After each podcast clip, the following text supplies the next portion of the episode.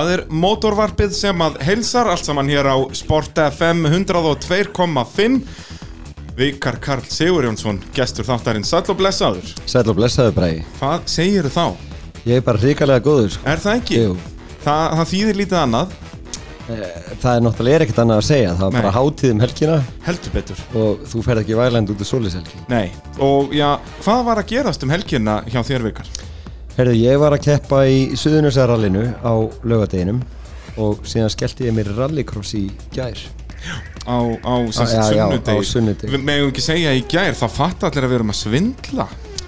Uh, Við erum náttúrulega ekki að svindla. Nei. Svona er lífið bara. Já, Vikar er svo gleimin, sko, hann held að það hafi verið núna í gær hér á þriðudaginn, sko, Já, en þetta var í raunin á sunnudaginn.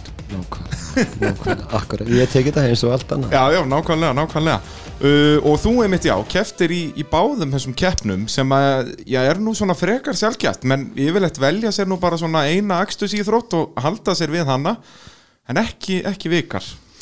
Ég skal ég segja þér hvað ég var að segja, ég var alveg með bakteríuna en ég fór svo sent inn í sportið. Þannig að ég byrja svo sent þannig að ég áalveg nokkur ár inni í að í, eins og síðasta sumar þá var ég að keppa í tveimur flokkum í rallycrossinu og, og þarna og í rallinu og ég veit ekki ennþá til þess að neitt- annar hafi keppt í tveimur flokkum í rallycrossinu en ég ætla samt að mæla á mótið því að því að þetta er bara algjöru vitlis En það er gott að vera búin að prófa það, sko. Já, þá veistu að það er vitleysa. Já, Það gengur ekki að vera alltaf að hugsa, heyrðu, ætti að taka tvo flokka? Uh, ég horfði samt á ofurflokkin í rallycrossinu og hugsaði að því á Böggi hérna, svaðalegt apparat sem hann Gunni Bjarnar smíðaði. Ég er bara einu sinni búin að pröfa hann þetta er svaðalegt apparat og ég hugsaði að ég vil væri nú gaman að vera þarna líka en, en ég ætla að reyna að sína að ég sé þroskaður og, og er kom- kannski komin tíma á það? Uh, ég sagði reyna, ég er ekki að lofa Nei, nei, nei, að- nei, auðvitað ekki. En, já, Uh, Mótorvarpið að sjálfsögðu allt saman í bóði AB varahluta og yðnvjala að vanda. AB varahlutir, já nú er allir að fara að ferðast innanlands þannig að það er um að gera skella sér í AB og, og finna allar ferða vörurnar hjá þeim Er það ekki vikar? Það er bara allt sjáðum og ég verð nú bara að tala í reynslu að þeir eru náttúrulega fyrsta lagi með bestu varalutina en sturtu sápan frá First, það er besta Er það? Já, það er bara að öllu gríni sleftu Þetta er besta sápan sem ég hef pröfað Það er svo leiðis Já. Það, ég reyndar hugsa ekki um AB varahluti þegar ég fer að veslað með sturtusambu Nei, en málega bara að horfur á mig þetta útlit Já. er ekki fengið í serióspakka þetta er First sturtu sápan Þetta er först sturtusamban sem ég er að horfa á hérna bara með berum augum og skinbós húðverur það er bara það sem að, þetta kombo skilar þessu Þetta er stórgott alveg reynd, stórgott, stórgott. Yðinvélar að sjálfsögðu líka að sponsa þetta hjá okkur. Þannig ef að þú ert ekki að fara að ferðast innanlands og vilt bara vera vesenist eitthvað í skúrnum og ætla loksins að fara að kaupa ný og fín verkværi í skúrinna, þá verður það sjálfsögðu að fara í yðinvélar. Þetta er ekki flókið Þetta er ekki flókið. Uh, Vikar, þú hefur komið til minn en einu sinni áður í, í mótorvarpið. Í góðum félagskap þá Já, með honum uh, Birgi Kristjáns Já, sem að þú varst nú að berjast mikið við á, á sunnundaginn Já. í rallycrossinu. Ég verði eiginlega bara hérna, ég vona að byggja sér ekki að hlusta því ég ætla nú bara að hrósa honum og ég, hann, hann á mjög auðvelt með að vera montinn Já, þannig að ég vil ekki að hann frétti þetta allavega en, en hann var að keppa fyrsta sinn sem hann keppir á þessum bíl hrikalega öflugum og flottum pussi og ég hef nú að stríðunum þetta að vera sídróin að því að það er viðkvæmt hvort það sé ljón á veginu með hvort það sé einhver sídróin en, Já en það er svo leiðis, já, er þetta bara eins og Ford og Chevrolet í Ameríku? Já, málið er bara off the record þá er þetta sami bílinn Já, já, þetta er, þetta er Eh, allt franskt og ógeðslegt Já, að ég sagði ekki ógislegt, þú sagði það. En allavega, hann, hann stóð sér hrikalega vel Hann var að keira vel og honum. bílinn geggjaði hjá honum. Hann má eiga það að þarna, það eru tvö ár síðan, ég held ég sé ekki að ljúga síðan hérna valdi, ja, Þór Þormar basically, óskar eftir að hann var keppa í Suðnursega torfærunni já, hjá AFS Akkurat, í, í Og Já, og óskað eftir hvort einhver getur lána honum bíl. Og valdi og himmi þeir græja bíla fyrir bæði bygga og, og þór og þar með byrjaði bakterían. Þannig að og þetta var svo gott fyrir sportið að því að byggi hann er doldið ólingaður þeir Já. eru komnir þarna bara full force og og með, bara með heilt lið með bara. heislið og nokkra bíla og, og, og Allt nýmálað og þetta er ótrúlega flott allt í þeim. Uh, já, þeir, það eru það er náttúrulega fullt af mönnum sem að lifta mótorsportu upp á Íslandi en uh, Valdi og bíla.inn og Garða Gunnars í bílar og hjól þeir eru svona þeir sem eru búin að hjálpa flestum að koma flotta bíla í keppnir að þeirra aðstofað með sprautanir og, og græja.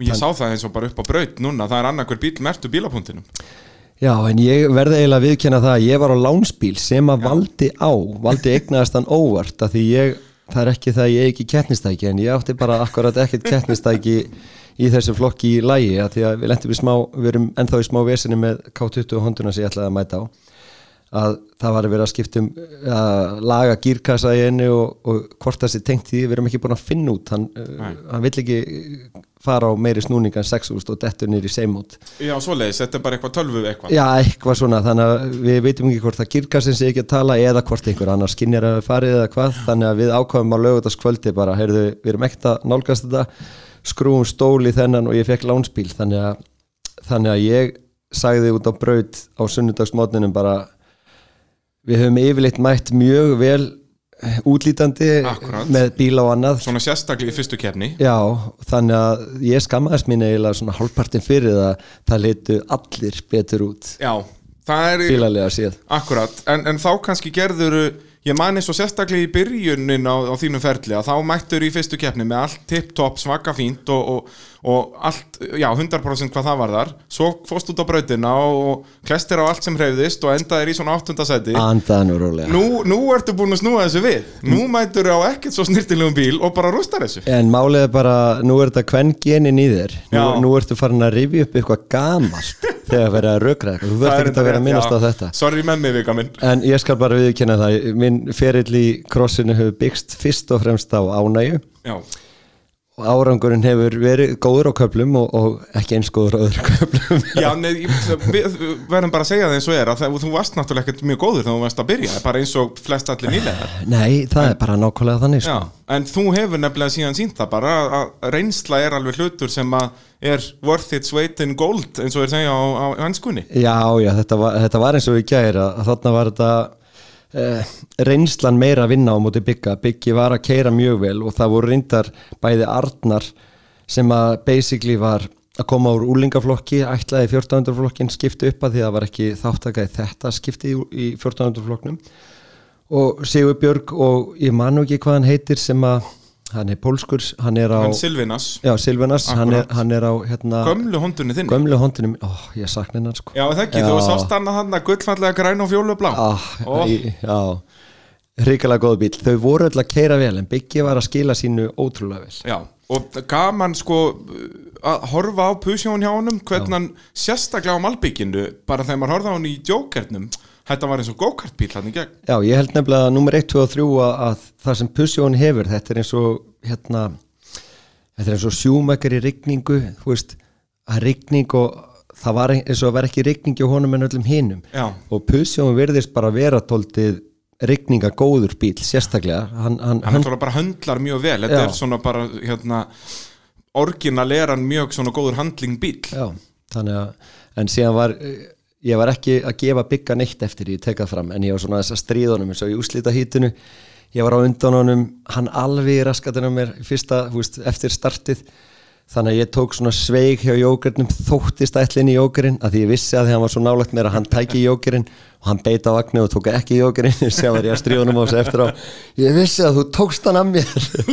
Já, hann var reynslan að þess að stríðunum Auðvitað, já, já, já, og sérst fyrir þá sem ekki vita í, í rallycrossinu að þá er þetta sérst að fimm ringir í hverjum reyðli og í einum af þessum ring þarf að taka þennan svo kallega jóker sem er lengri leið. Þá fara er smá svona tvist og bast þarna á Malbygskabla og, og það er það sem við erum að tala um með að, að bí- bíllinn sem er fyrir framann getur verið lúmskur og þótt ætla niður í jókerinn sko, og þarna er mitt nýttur er það Jókerinn er doldið strategið en þú getur Já. aldrei reiknað út fyrirfram eða síðan ef þú tekur hann að snemma getur þú lent fyrir aftan hægfara bíl Jókerinn er svona smá happadrætti stundum Já, en eru þið ekki byrjaðar núna í rallycrossinu að vera með spottera? Að vera sérst með mann í símanum sem er upp í standi? Við valdi pröfum við aðeins í, í fyrra Já. og, og þarna það komu moment sem að hann var með betri yfirsýn en ég. Þessi að komu líka moment sem að hann hafði ekki mitt sjónahótt og hann og Já, svoleiðis. þannig að ég vil meina það að sé bara betra að vera ekki að hlusta á aðra þjóð og Já, kemur ok, þannig að þið semst reyndu þetta en þú eh, vi- vilt þetta ekki lengur? Já, þú veist, mér, þetta var þú varst ekki að græða á þessu, stundum varst að tapa á þessu að því þú sást augnablikið og það var búið að segja að þessir þarna ekki fara. Þannig að ég vil meina að þú sem bílstjóri þú getur grætt á hinu en þú getur líka verið að tapa á því og, og, og allt það. En eh, Valdi var nú líka þarna því er nú ekkert eins og ég sé algjörlega laus við alla bresti. Og þarna þannig að ég þetta var eiginlega út frá því að í byggamótinu árið undan held ég að það hafi verið Já.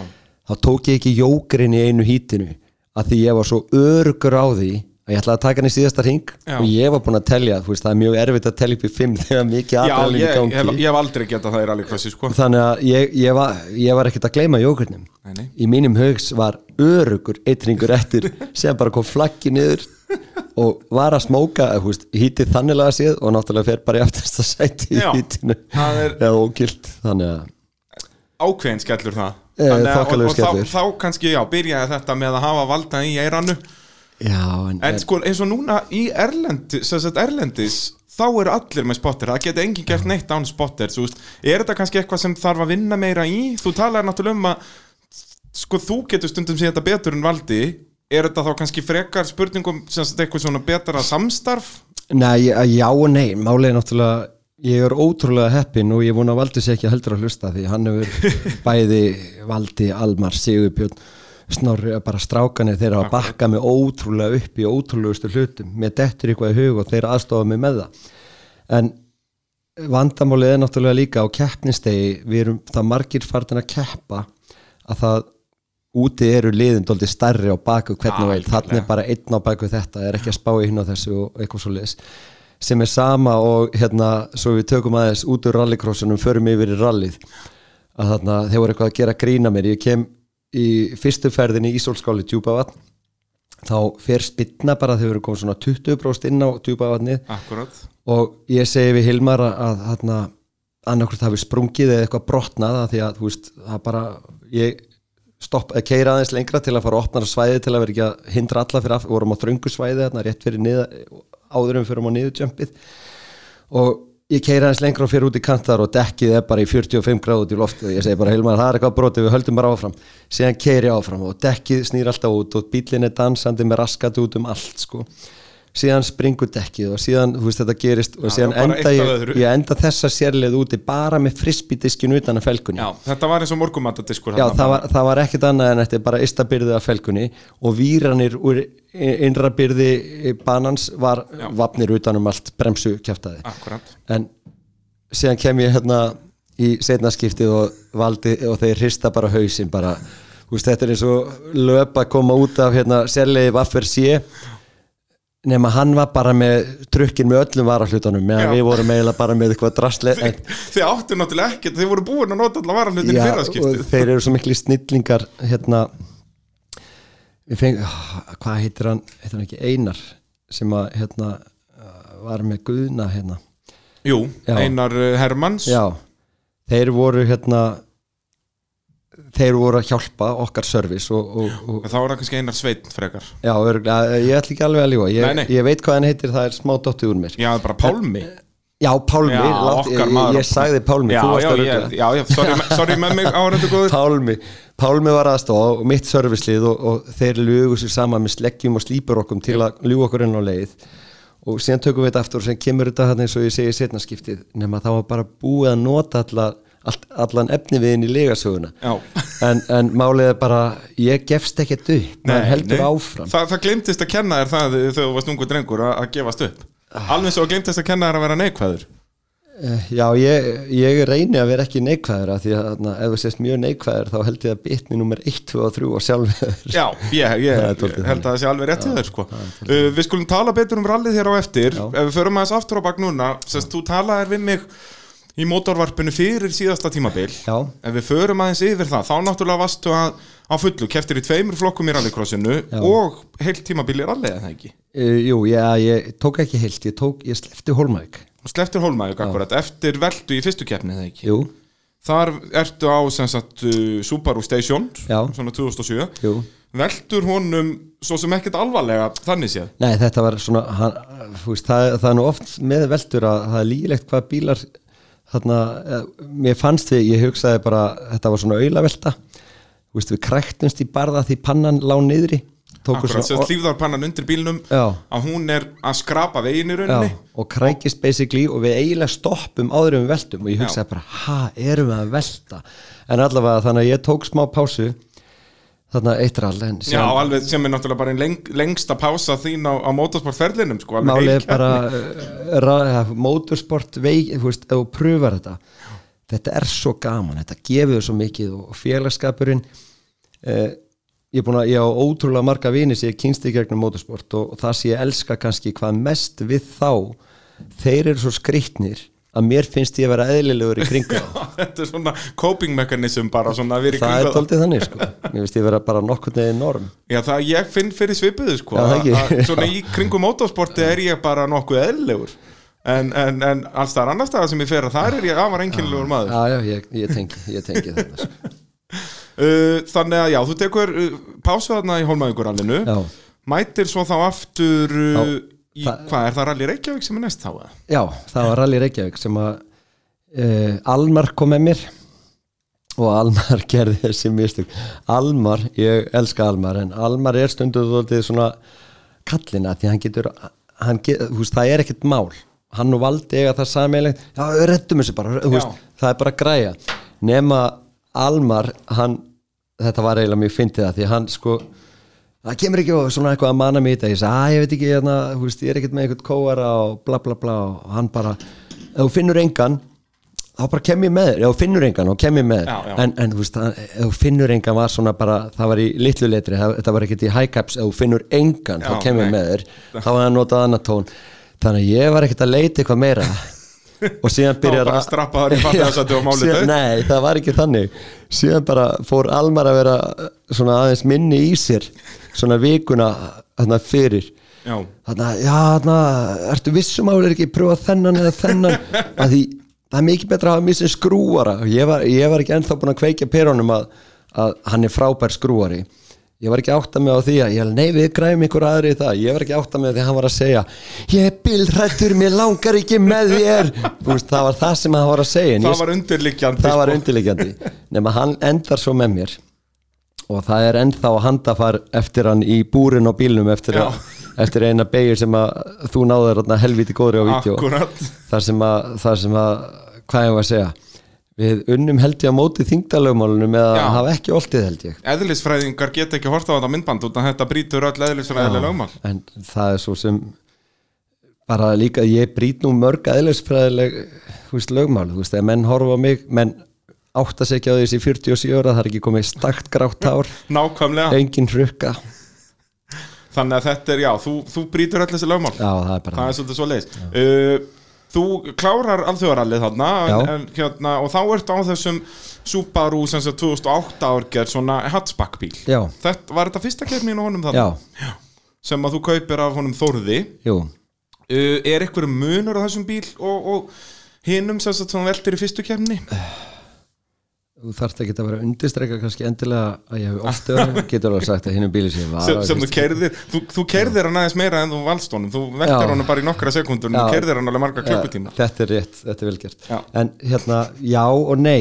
Málið er að þarna það er afturhjóla búnaðurinn er ekki eins sterk byggður í, í, í nýri á, bílum í nýri bílum Akkúrat. en úst, það var það sem var að gefa sig í rallinu hjá okkur núna uh, en keirstulega séð finn ég ekki mun á þeim. Já, það er svoleiðis, þeir eru bara svipaðir Já, ég finn engan kraftmun og ég finn ekki húst, en ég þykir samt vera þannig að því ég er nú kannski ekki góður dræver og ekki mjög teknískur ég get sest upp í eins og ég hafði aldrei kert bílinn sem ég fór núna um helgina og ég haf aldrei kert bíl með læst eða húst ekki, húst það er svoðið drifið honum Já, í þessum Subaru? Í, nei, fyrirgefið, í, í bílinn sem ég fór í rallycrossi Akkurat, akkurat, en maður sest upp í eitthvað og ég er ekkert að finna, þú veist, maður aðlega sér bara að því hvernig þetta er en ég finn engan til, þú veist, svona virkilega mun Já, þú að- getur ekki stíð upp í sérst tvo mismunandi bíla annar er 20 hestöflum meira en hinn og, ver, og þú getur sagt bara nei, já, þetta munurinn hérna. Du, du, du, uh, ég held maður myndi alveg finna það með allega stútera en maður sest Já. bara upp í þetta og þetta, þetta hægða sér vel. Eini munur sem ég fundi í rally náttúrulega, ég byrja á húst, framhjóla, eða húst, ég byrja hérna á, á, á, á bara hondun eða ekki? Og Jú, kemur fyrst, fyrst í fyrsta, fyrsta rallið sem ég fór í það var á hérna KC 868 Toyotunni sem að allir í íslensku rally hafa já, það er rétt. Og þarna fer á henni, síðan fer ég á hondunni uh, síðan fer ég á möstuna. Og mastan er fyrsti fjórhjóladrifs bílinn sem ég bara keiri efur fyrir utan það að keiri einhverju rólum innabægastri og þar leikur dóldi munur. Mér finnst uh, mastan að mörguleiti svona þægilegri kistlubíl en Subaruanir eru bara mikið sterkari. Já, náttúrulega Mastan er semst, höndlunar, eða semst, handlingin í honum er mjög gott en, Já. en hann bara hefur þann galla að hann eiginlega bara þólir ekki íslensku malavegin Eh, Við vorum samt búin að setja sterkari spindilkúlu sem var vesinnið í honum áður en ég tek hann og, og ég tók nú alveg krössin hann á honum á þess að spindilkúlun hann gæfi Já, sig. já, þú, þú alveg styrtarprófaði þetta alveg já, já, þakk já, já. Ég, ég tók hérna gott út af í, í hérna næturallinu Akkurat, þannig að haustralinu Já. eitt árið, það var það 2018 já. Já, að þar flegjur þér út af á sérlegum Kaldadal sem er ekki æskilegt að kera út af á þar sem Nei. að þar taka á móti er bara örbylgjöfnar af grjóti sko. það er bara þannig, það er 2017 held ég. 17, já, fyrir ekkar 18, já. En, en munur á milli þessar Subaru'a, ég finn ekki og ég var síðan náttúrulega á 125 Subaru sumarið á undan sko og ég, veist, þessi bílar á vegi láta þeir eins. Já. Uh, Þú sem sagt þá klárar já ralltímumbilið á, á þessum uh, hatchback bíl Í rallycrossinu í fyrra, á hvaða bílum varstu mest þá? Í rallycrossinu í fyrra þá, þá var ég á hérna, skal ég segja þér já, tvær hondur, ekki hondur og önnur er bara er, veist, prinsessan eins og Gunni Redneck kallaði hann en ég kalla bílinn Redneckin það er bara með Integru B18 Type R mótor sem er þá ekki með turbínu en eitt slíkt Nei, bara sem sagt. NA mótor sem er tjúnaður og, og bara flottur. Já og, og það sem að ég hafði á móti sko í 2000 flokknum þá er þetta þannig að þú mátti gefa með power out er sem sagt nitro eða turbónum á sérst á 600 eða minnumótor því það, það markvaldast með 1,3 vélastarðin þannig að 800 og 2000 bílar með ekki bæta henni við. Og sá bíl var samt að sína það eins og sísonu undan að ég tapaði yfirleitt alltaf startinu á móti skúla og arnari og strákunum Já. með turbóhondunum en ég keirði það yfirleitt upp í brautinni af því að hann bara tógar og vinnur hrikalega vel. Síðan var ég líka á hérna K20 á hondu sem að Óli Tryggvar smíðaði fyrir tveim áru síðan. Og það er með K20 Type R mótor 2000 mótor. Og þannig þessi að það er aftur ekki turbo eða neitt slíkt? Nei, en ég nota, þetta eru báði bílar sem eru gjaldgengir í 2000 flokkin en ég kefti á honum í opna flokknum og náði Íslands tillinum þar á, á þeim bíl. En, en þessi bílar þó ég líta eiginlega eins út að þetta er, ég er með á báða bláa límiðan eru öðruvísi en það er enginn að spá í límiðunum Nei, þeir eru bara mjög, mjög svipaðir. En, en þeir láta þetta er, þetta er hérna þeir eru eins ólíkir í keistlu þingdapunktar, bremsur girkassin, stýrið og allt. Þó ég líti eins út þá er enga veginn þannig að þú fyndið alltaf að stökkva á milli bíla og þarna fórst og í hins þurfa svona að læra þetta strax Já, hérna. þú veist, þú varst, alveg, þú varst með og vissi hvað það þurfti að gera í kvorum en þeir höndla brautin allt öðruvísin, báðir ríkalega skemmtilegir Akkurat. Uh, hérna eftir örstuð hlýja ætlum við að tala betur við vikar um já, þá bíla sem hann á í dag því að já, þeir eru einn eða tveir. Þið eruð að hlusta á mótorvarpið hér á Sport FM, allt saman í bóði AB Varahluta og Yðinvjalla.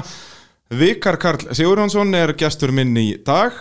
Við vorum að tala um já, síðasta tímabil, þar sem þú varst að keppa bæði í rally og rallycrossi. Svo bara heldur áfram að kaupa bíla eða ekki. Hvað áttu marga bíla með veltibúri í dag? Ég á fimm bíla með veltibúri Og hvaða bílar eru þetta? Það eru, ég á ennþá Station Subaru sem ég byrjaði hérna síðasta sísón á Akkurat, þetta er þá sem sagt uh, non-turbo Subaru rallybíl Já. með 2007 árgerð, cirka. ég, ég held að ég sé ekki að ljúga því ég segja hans í 2005 Eða það. Já, eða það, það breytir nú ekki öllu þarna en, en hrikalega upplugt tæki og bæði Baldur eldri og Baldur yngri þeir hafa báðir orðir Íslandsmeistar á honum hrikalega flott búri honum, hrikalega góð smíði og hann er til sem sagt og við erum svona 95-6% búin að laga hann eftir veltuna. Þetta er bara kæruleysi að vera ekki búin að henda stöðara og öllu á og þannig. Síðan á ég bílinn vandamáli með bílinn á Þórði Yngva það var ekki Sem það er sem sagt hatchback Subaru 2008 árgerðin. Já. Mig langaði svo í þann bíl var þá bara út af útlitin á honum eða sem sagt bara út af hann er aðeins nýrri eða af hverju hver langaðir í þann bíl? Bara stundum færði eitthvað svona. Jú, Já. nýr, nýri bíl og, og þú veist, já það var, það var, já, það var eitthvað, daldið þannig sko. Mér langaði svo í þann bíl áður ég kaupi hinn. Akkurat, og síðan bara auglýsir Þórður á hann á bara mjög sangjötnum verði í fyrra. Og ég með hinn oltin ekki búin að laga hann og ég bara einhvern veginn óvart kift hann. Það, Já. það, veist, þetta var eiginlega þannig þetta var ekkert skipulagið en eitt hann heldur hann bara auglýst hann og, og ég ringdi hann og síðan allt í hennu voru bara búin að festa hann. Og bara allt í hennu komin annar rally bíl í skúrin Nei, málið er að síðan á ég bara bílskur sem er fullur á drastli. Ég er alltaf, í vand, ég á allt og marga bíla og hef enga geimslu Já, jú, þetta er hér og Er það þetta geima þetta hér og þar svona? Já, já, þetta er svona hjá vinum og kunningum. Auðvita, En síðan, þetta eru rallybílarnir sér á síðan eru hondunar tvær sem, að, sem vorum að tala um áðan. Vorum að tala um áðan. Akkurat ég á þær ennþá og þarna við lendum í smá vesinu með K20 bílinn sem ég ætlaði að mæta í kettninu núna en, en þetta er bara eitthvað smottir í tölvu eða lesning eða skinjari, við erum að finna út úr þessu. Já þær báðar og síðan þarna böggin sem að Gunni Bjarnaspín smíðaði, Já. Atrealín 5 Það er svakalega græja. Það- fyrir þá sem ekki vita þetta er bara sérsmíðaði böggi fyrir rallycross sem Já. er með fjórhjóladrifi hann Gunnar Bjarnason og, og, fleiri góðir menn höfðu smíðað tvo fyrir þetta báðir afturdrifs þarna ákveður að fara í fjórhjóladrifs er, eh, þessi bíl er með K20 mótor, sama mótor er í annari hondunni á mér. Nema munurinn á þessum bíl og þeim er sá að þessi bíl er 600 kíló 220-30 hestöfl.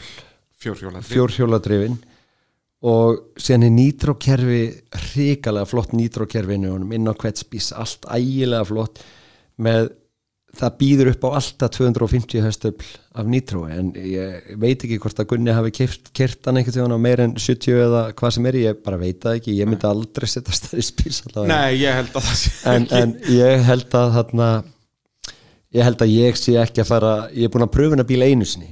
Já, og þarna, kerði einhverja fjóra ringi og ég ákvaða að fara þarna með svona þroskuðu hugafæri að því að þessi bíl, hann náttúrulega já, ég búin að gera með hugalund um það. Hann erði mikið erfiðar í kistlu og ég er ekkert að segja það að maður sé að fara að keira eitthvað uh, gallalust á hann en hann, ég ætlaði bara að keira létt og aðeins að pröfa bílina því ég hafði bara aksjóli aldrei pröfa hann. Ég kerði einhvern smá ring til ég kefti hann þú veist, bara ekki á braut eða neinu þannig. Og bílinn höndlaði bara mikið betur en ég bjóst við. Fjöðrunin í honum, ég bjóst við að ég að því að þetta er svona, þetta er bara grind. Þú situr inn í litlu hilki basically. Og situr eiginlega bara ofan á jörðinni. Það eru bara 5 cm frá rassinuðinum niður í, í mölina sko. já, en, en nákvæmlega en, en bílinn hann bara fjöðrunin, hún tók allt sem ég fann ekki fyrir neinu.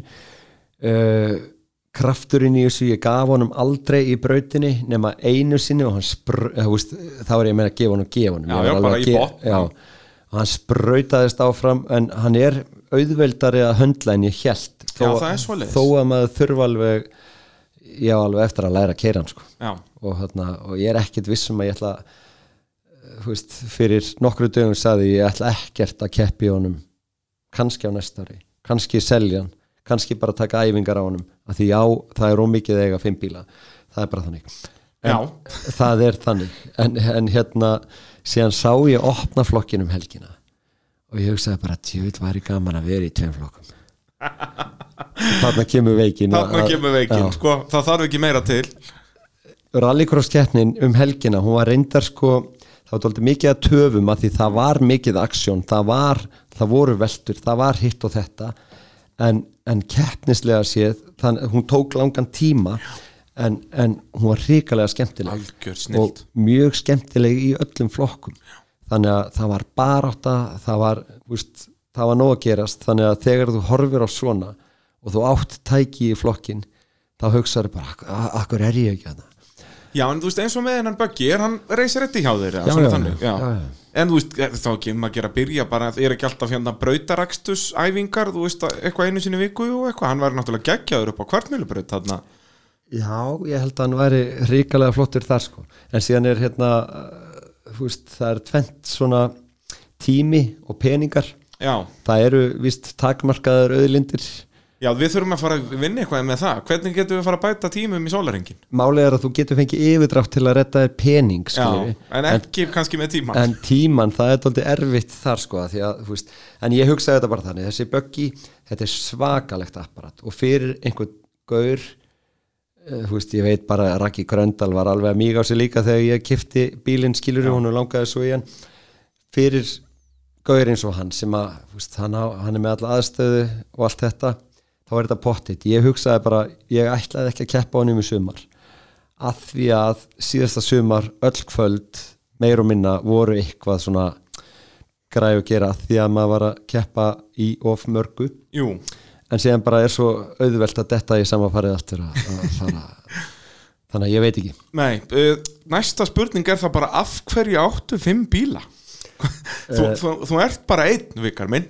Já, máli er að máli er hérna, þetta er smá misreikningur sko. Nú, já, það er því ég er með svo marga persónuleika en ég er samt bara með eitt líka Það er það sem er er vandamál Já, þannig að þú kemst inn á internetið og ser eitthvað til sölu og þá var það vikar nummer Nei. fjögur sem að kefti það. Já, en, en málið er samt bílinn á Gunnar Bjarnar ég, þegar hann auglýst hann. Hann auglýsar hann sko, ég var að klára að kenna spinning hérna klukkan 7 um morgun þegar ég sé bara postet fyrir tveim tímu síðan, það var hann bara á norska tímanum, hann hefur vaknað hent auglýsingu og ég bara ah, sendi eitthvað á hann og síðan ringi á hann einhverju klukkutímu setna og þú veist, um háttegið eitthvað. Ég sagði, er hann seldur? Nei, nei, en svona eitthvað.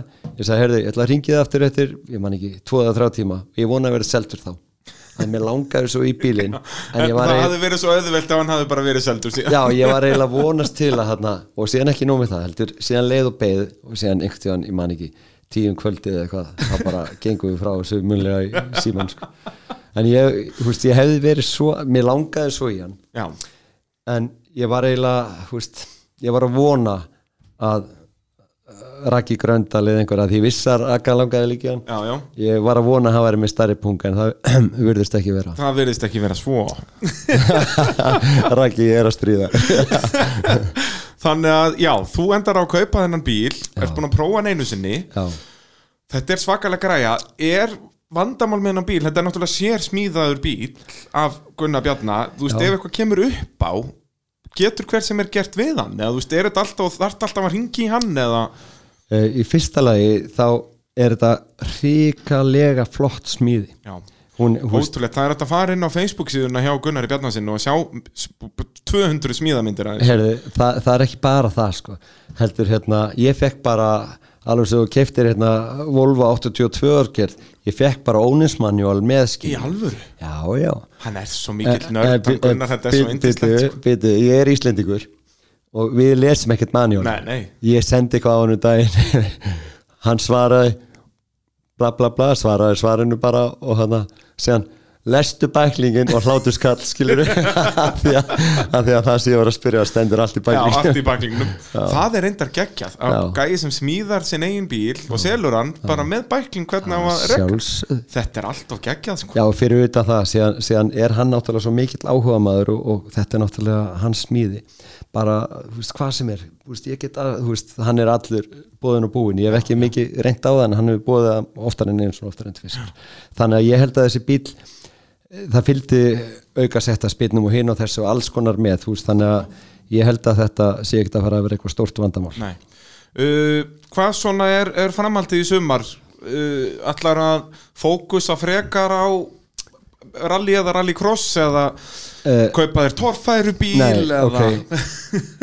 Þú veist uh, Ég held að torfarubíl Ég held að þú veist Ok, ég ætla, ég ætla að segja eitt sem að, má eiginlega færa yfir á þetta.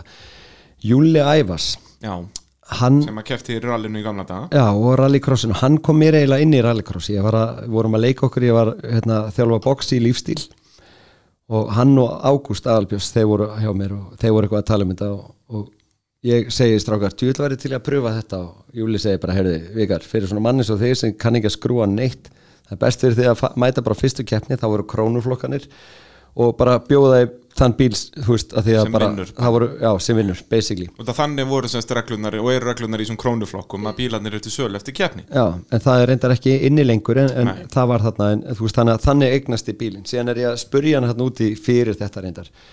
Veist, hver er svona rally, rallycross. Hann sagði, heyrðu, staðisti munur á rally og rallycrossi. Rallycross kostar smá pening og tekur smá tíma en rally kostar allan peningin og tekur allan tíman og ég held að torfaran sé það sinnum tveir. Já, ég er, ég er ekki frá því sko. þannig að ég er aldrei að fara ángað, ég lofa því. Það, ég, ég, ég ætla að segja að þetta sé lígi nú þegar. Þú átt eftir að prófa tórfæri Uh, það þarf þá einhver að lána mér bíl án ábyrðar eða ég þarf að vinna bara vikingalotto Já, já, bara að fara að kaupa með það. Ég gerir það reynda reglulega.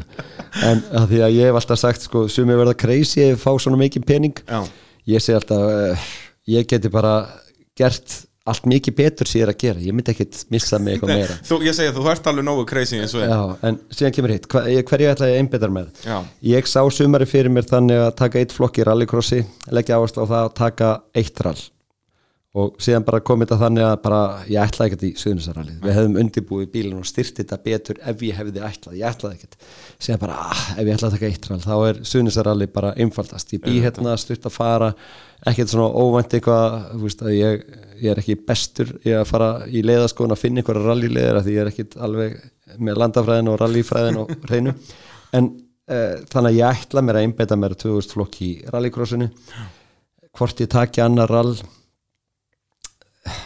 Almar og Ívar íttu hressilega á mig. Það er þeim að kenna ég kom í, ég ætlaði ekki sunnusaralli Nei, þannig að þeir voru að íta á mig og, og þarna og ég held að Al, Almari langið að fleiri var að keppa og var að keppa um mig að því honum langar að geta staðfesta hans í betri dræfi en ég, hann er ekki ennþá tekist það.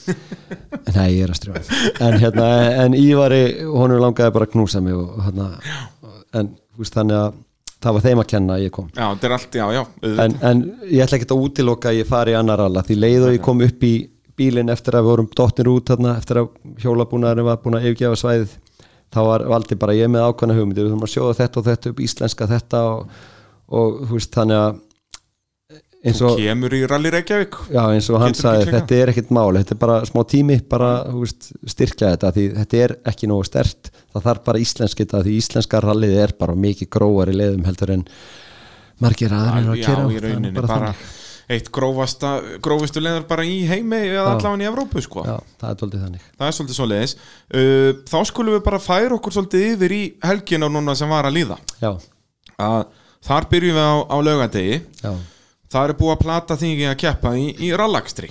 Já, og þú mætir til leiks bara og, og byrjar nokkuð vel. Það er fyrsta sérleiður um Nikkel stutt sérleiður rétt fyrir ofan uh, Reykjanesbæ. Og þú nær bara ágættist tíma þar. En það ekki? ok. Það sem að undirstreika kannski meira hvað ég er að hana, hvað ég er að hana, ég elska þetta. Þetta snýst ekki þetta er svona þetta er svona bara eins og maður segir þú veist, þetta er eins og kynlíf. Ég er örgulega ekkert betri þar heldur en í rally ég er ekkert góður í en ég er úkslega gaman að þessu.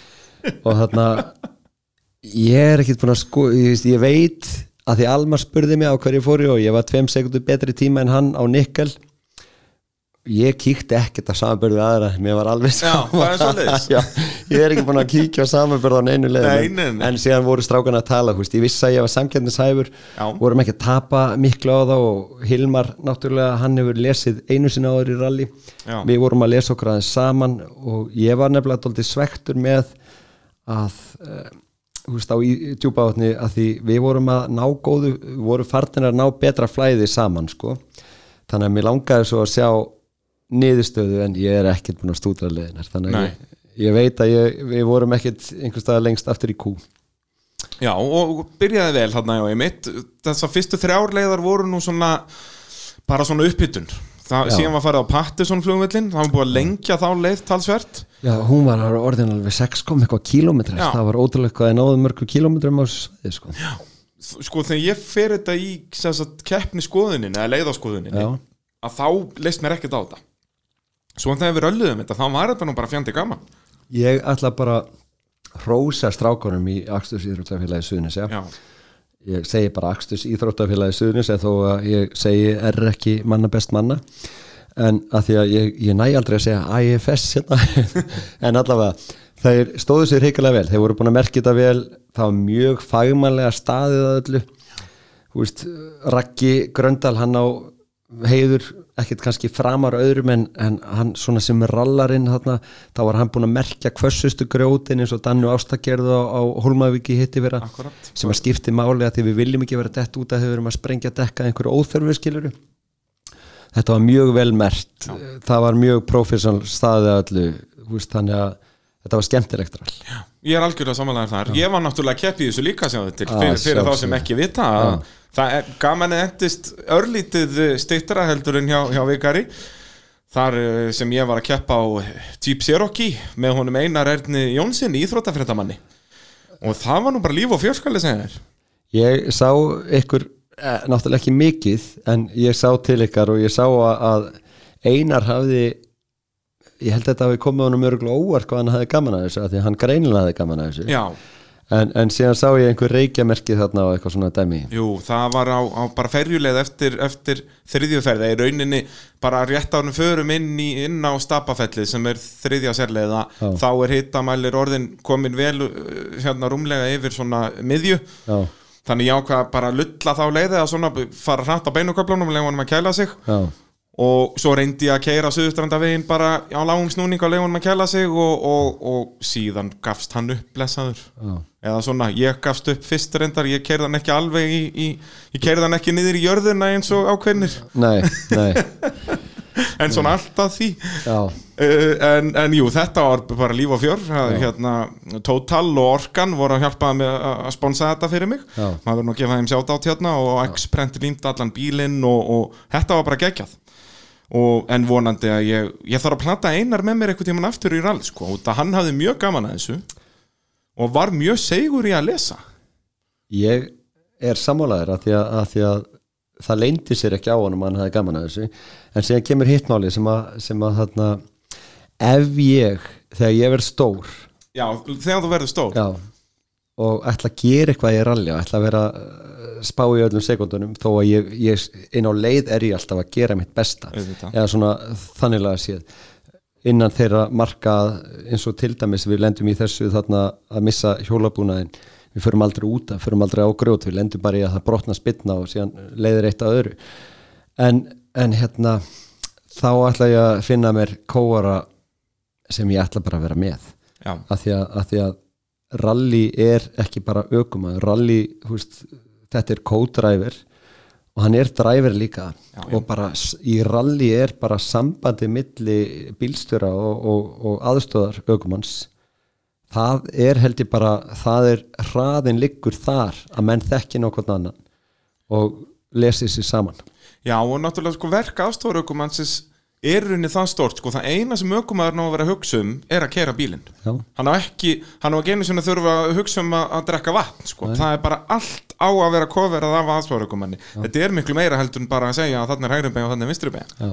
þannig að- að ég er hjartar að samanlega þarna að þetta er góður aðstofurökumaður getur bætt ökumann helling. Já, og líka bara þú ferði yfir blindtæð og, og þú vilt vita þegar hann segir þú veist blind, blind beint 30 vinstri 2 Já, að sé vinstri 2 en sé ekki hægri 2 eða, eða blind beint 100 og síðan sé bara einhver beigja þú, þú þart að þú keirir ekki full force nema þið séuð og sama sem við blasuðinni Já, já, og tristi hvort öðrum, það er svolítið það er svolítið doldið þannig. Uh, Hérna eftir örstu hlýja ætlum við að fá að uh, heyra hvað gerðist fyrir vikar betur. Við erum nú aðeins búin að fara yfir það en, en við skulum tala aðeins betur um það, það var svo skemmtilegt. Já,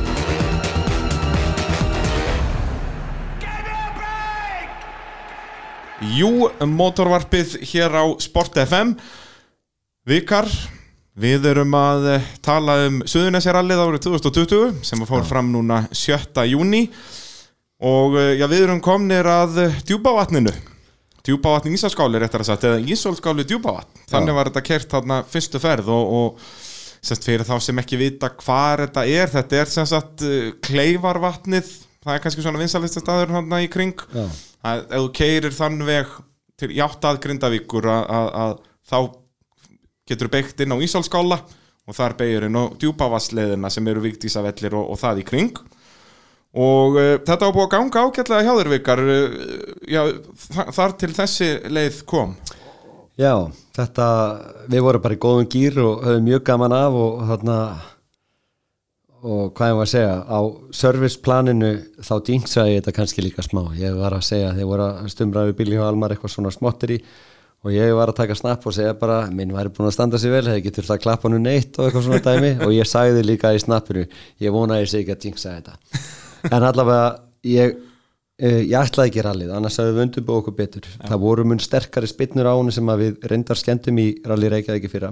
Þannig að við vorum með orginal spinnur aðeins styrtar bara svo það er svona skýri smá já, en já. við erum bara í svona semi bara hæð, ekki beint jömpi einu sinni þegar eitthvað gerist Og er þetta, hvað er þetta á Ísólskálanum strax? Nei, nei, þetta er, þetta er, þetta er svona 20% inn á djúpavatni okay. Ísólskálin er reyndar sko ótrúlega grófur, ótrúlega grófur ja. og þú veist þannig að ég held að það hefur örgulega tekið dóltið örgulega að byrja að laska eitthvað Já, þannig hugsa það og, og, en þetta er bara svona en allavega við erum í einhverju svona smá tjömpi eða smá hæð sem hann svona og þegar hann lendir eða þú veist tekur alveg djúft í hjólinn þá gerist eitthvað. Ég segi við Hilmar að það hefur eitthvað brotnað eða sprungið og við erum svona í svona freka þrengslum, við gáttum ekki stoppa á þess að vera þá bara til að skipta um dekka eða hvað sem er. Mm -hmm nema keira bara áfram til að vera ekki að stoppa umferð þannig að við keirum stoppa á miðum veginum, maður þarf alltaf að finna sér eitthvað útskott eða eitthvað. Nákvæmlega, þannig að þetta er eh, þeir sem þekkja rallilegin og djúpa áhatni en þetta er svona cirka 20% inn á eða eitthvað þannig þar sem niðurjömpi kemur. Og það er svona niður á sléttu þar. Já, þar, við keirum þar á sléttuna og ég fer út og ég segja hjóli vísa bara 45 gráður út í hotnið og ég fer inn í bíla aftur og segja Hilmar að þessi broti spilna Þetta er sérst vinstra meina aftan. Já, þannig að við hérna ég svo að við keirum þetta bara. Og dekki náttúrulega snýr 45 gráð út þannig að bílinn leti eins og anskotin sjálfur. Að því að þegar greipi kom þeim meginn þá bara begðan raskatinn úti og síðan þegar greip hinum meginn þá rétt hann sig af. Já. þannig að við vorum dansandi þannig ég er ekki alveg átt að mig á því á hvaða hraða vorum að keira kannski, þú veist, vorum að reyna að halda þessu 50, 60, kannski örsjaldan upp í 70 eða eitthvað af því að bílinn dansaði bara eins og Já, og þú náttúrulega vissar aldrei hvað átt að nætla Ég, ég vissi sko. aldrei hvað hann var að fara að gera. Það, Þetta er þægilega nefnilega, sko, ef að spilnaði bara bógin og först þannig. Já, þá bara aðlæður og stýrið Ég segi það, þá svona hérna aðeins er hann að dansa en Já. þú veist alltaf hvert hann er að fara að dansa. Já. Þetta er svolítið annar hausverkur hann Bílinn dansaði en ég segi bara það var eins gott að vera í góðu formi af því að ég var í baróttu við stýrið alveg, og mestri baróttu á beinuköflunum. Af því beigju þá liggur hann bara á ytra hjólinu Akkurat. þá veistu sirka hvað hann er að gera en allavega við klárum svona og þetta vestnar og, og húst dekki er fast og síðan bara fyrir að rjúka dekki springur og, og þá er þetta skárra, þá er það að grípa minna. Já, þá ertu bara á felgunni í rauninni. Já, það var svona cirka en náttúrulega rallidekkur er svo þykka, þetta er að þá síðan fyrir ekki að tætast og eitthvað svona dæmi. Og þú finnur og heyrir það náttúrulega alltaf inn í bíl þegar Já, það er guð, banin á því að berjast inn í sílsinn og... Já, alltaf að draga mölin á og þá kom svo mikið reikin í bílinn. En allavega, síðan svona smá skána þetta. Við endum þannig út á leið eftir sléttuna þegar svona kannski ég veit ekki 10-15% eftir að leiðinni. Já, já. þá sé ég þegar svona felgur restin skýst út í lofti að þegar við endum bara með frisbítiskinn bara ytra byrðið að felgunni á. Og við komum svo út að leið og, en strákanir, servisliðið mitt þeir ljúa þessu saman og Já. græja þetta. Og með aðstóð frá öðrum servisliðum, Pálmi kom hérna frá Ívar okkuðuna og þeir bara sleggjuðu þetta og slýpir okkuðu og, og miksuðu saman en allavega síðan förum við aftur inn og þá ætla ég að hlýfa bílum og ég hlýf honum, ég tek alltaf bremsuna fyrir úst, þannig að hann liggi niðri. Nema síðan brotnar bara spinnan aftur og síðan þegar við erum komið svona 50% inn á leið þá hérna lendur við í því að spinnan hinn með fyrr þannig að annað ekki er fast út á við og hægra afturtekkið það er bara dansandi til og frá. Og þá var þetta orðið ansi erfitt. E, já þá var þetta orðið þannig að og Hilmar bara, ekki hætta því hún var alveg hætta að lítast á þetta. Að því við vorum bara að horfa bílinn var aldrei bitn á veginum. Nei. og ég kíkt á innkar-vídeó þessu gerðkvöldi og ég bara hló að því að þetta er svakalegt. Við vorum alltaf að horfa út í sikur á hlýðin og við sem ekkert. Ég var líka bara, ég, nú með líka sagt og ég tek nokkuð reglulega á því og kenni sletta spinning. Og undirfatnaðurinn, hlýðafatnaðurinn sem við verðum að vera í undirgalánum þetta var bara, ég gæti undir það þetta var bara spinningsveitt ég, bara... ég var bara berjast í stýrið en, en þetta var, þú veist eh, hvað ég var að segja, ef maður ætti flutningabíla af aukarlutum þá hefði kannski eins og Valdi sagði, akkur stoppar ekki, ég sagði það er alltaf sjens ég hafði trú á því. Ég hef síðast að stráka að retta ótrúlegustu hlutum. Ég hafði trú að þeim myndi redda þessi ég vissi samt að það væri eiginlega var hlutin Nei, nei, en, en það er ekki þú sem ætlaðir að gefast upp þú Nei. ætlaðir að leifa servismennunum að gefast upp sko, það er ekki, Já. það, það má aldrei gefast upp í þessu Nei, en ég get samt sagt að þeim, þeim til varnara, þeir hefði aldrei gefast upp hefði þeir áttu von algjörlega, algjörlega. en, en vonin hvarf það neitni sérlega fyrr Já, það, sko. það var eiginlega þannig en, en það er lí, hú veist, ok, ég svona gaur sem er ekki bílaskrúari þó maður læri smá saman inn á þetta. Já, já, þú svona, þú kannt að skipta um dekk núna kannski. Þegar ég byrjaði í rallycrossi þá, þá mætti ég á keppni bara með eitt eða tvö varðdekk, tjakk, felgukross og smá bensín í brúsa. Ég, að því, eða gerðist eitthvað annað en bensínleysi eða sprungið dekk þá var ég ekkert að fara að Ég laga. segja það, þá þarfst ekki að koma varahluti og getur ekki skipt um Nákvæmlega, en ég séð þessa gauðra bæði þessa þá og aðra stráka þú veist, Guðma Hösk og Magnús Vatnar og fleiri bara sem Lasse maður hefur Kalla. séð og græja ótrúlegustu hluti á no time, þú veist, eitthvað bara og ekki með öll verkværi eða neitt í þetta Já, en, já, veist, bara að redda hlutunum. Já. Er, Ég er alveg sammálaður hann Þetta er alveg magnað að fylgjast með bæði rallycrossi og rally og torfæru og í öllu þessu dæmi. Að menn að skipta bara um heilu vélarnar og girkassana og allt bara á 40 mínúndum sem væri kannski rukka 20 tímar á vestæði sko. ótrúlegt sko, en, en síðan kemur hitt máli að, þú veist, eins og Valdi og þeir sögðu bara, þú veist þú kemur bara út af leiðin eins og löp hérna, þú veist, ég var að fara að sé með allt í henglum. Eini mörinn er bara, þú veist, þeir eru kannski með sendibíla nýjum varahlutum öllu nema við vorum ekki alveg þar sko. Já, þið voru búnir með sendibílinn ykkar basically. Já, þetta er þannig. En þetta er gaman sko, þetta Já. var alveg hrikalega Þe, gaman. Þeir leittist þetta ekki Nei, nei, og talandi um þetta yngar, ég var einmitt að fá þetta hérna af, af myndavelinni hjá þér. Þannig að í, í motorsporti núna á Rúf næsta lögadag, að, að þá munum við nú sína frá þessu og, og það er erfitt að sína svona í útvarpinu sko, þannig að við verum að nota sjónvarpi í það, það er doldið þannig. Það er nákvæmlega svo liðs En það er svo misett hvernig ef- efni hendar í sjónvarp eða útvarp. Að Tommy vinnu minn sem var í Voice hérna á Grindavík það vita flest allir hver hann er.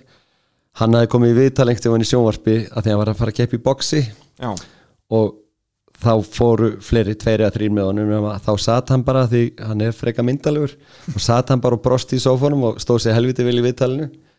Og síðan lett hann í útvarsviðtali og hann sagði að þetta veri bara mikið erfiðar þannig þurfti hann bara að tala á allt sko í staðan fyrir að sitja bara og vera sætur.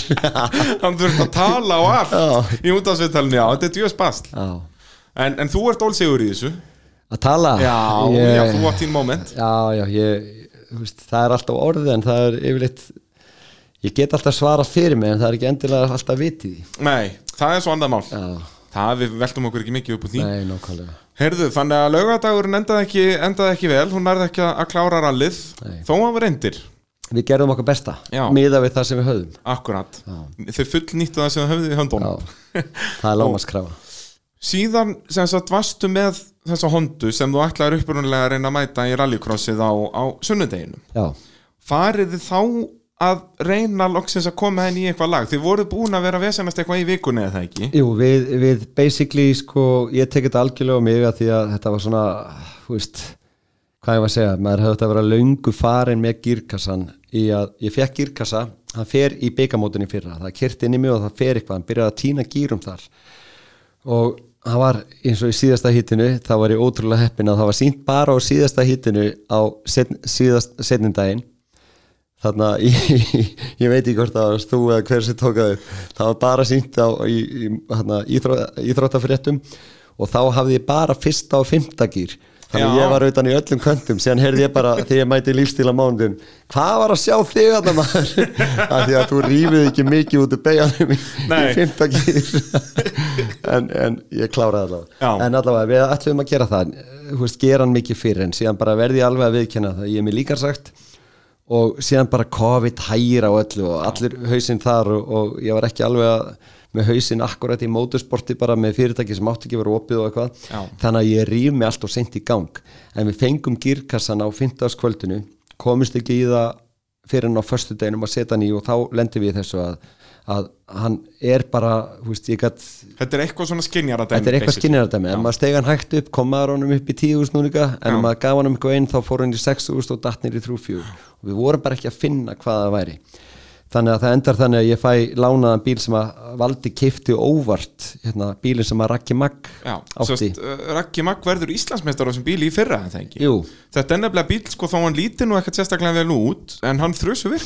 En hann þrjusu virkar hann hann, þrjusu virkar og, og, og þetta er nú oft þannig að þú ert komið kraft meiri bíla þá ertu oft í meira vesinni Mhm. og það verður bara að segjast eins og er að, Raggi var að keira bara þrjusu vel í fyrra og á þessum bíl sem er bara nokkuð segur en Hver, hvað, hvað er í þessum bíl? Er þetta bara Þe- 1600 þetta er bara vítek? 1600 vítek aðeins búið fyrst í 12 held ég en, Já, en ekki, það er 1600 ekkit eitthvað innvols í vélinn eitthvað búið að Nei, það, og gera og það græn held ég ekki sko, Nei. en, en málið er náttúrulega að 2000 flokkurinn var dóldi, hvað ég var að segja brottkvarfur í fyrra við Já, já. vorum, við vorum hérna bílinn hjá Gumma, hann held ég hafi stimplað svo út bara uh, hérna Arnar Viðas í endalösu vesinni, skúli í endalösu vesinni Já, Ég í verður vesinni. svona meistari bara á því að, að klára þetta já, klára, klára, klára þetta og keira bara, já, segi hann það, hann var alltaf sko. á palli og er náttúrulega Já. úlsegur ökum með Já, en, en, en hú veist, ég tek það ekki af honum en, en það vantaði öflugustu bílanu voru alltaf að detta út Já, sem er náttúrulega, þú ferð ekki steinum á klárir akkurat, akkurat það, það er nú bara eins og með rallið Já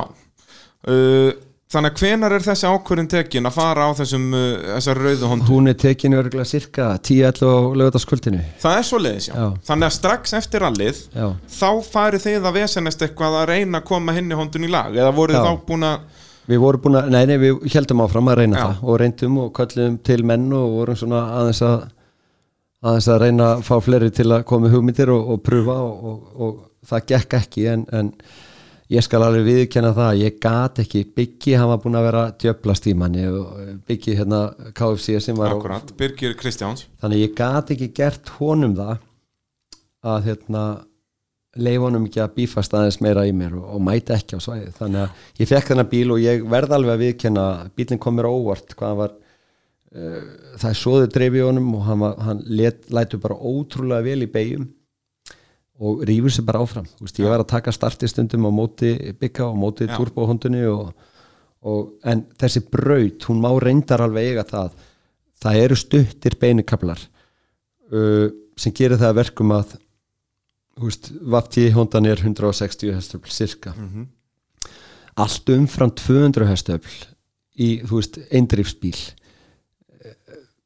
Ég held að að krafturinn sé ekki að skila já, nema er bara, í þér. nema bara í meira spóli Já, já, þú, all, allt yfir 200 stöfli meira spól Já, en, en sem er sama og allir meðlega var að lendi í þarna hitta vandamáli að því að löng, húst, það er svo stuttir beinu, eh, það er svo lítill hraði í rauninni sko. Já, já. það er ekki langi beini kaplar.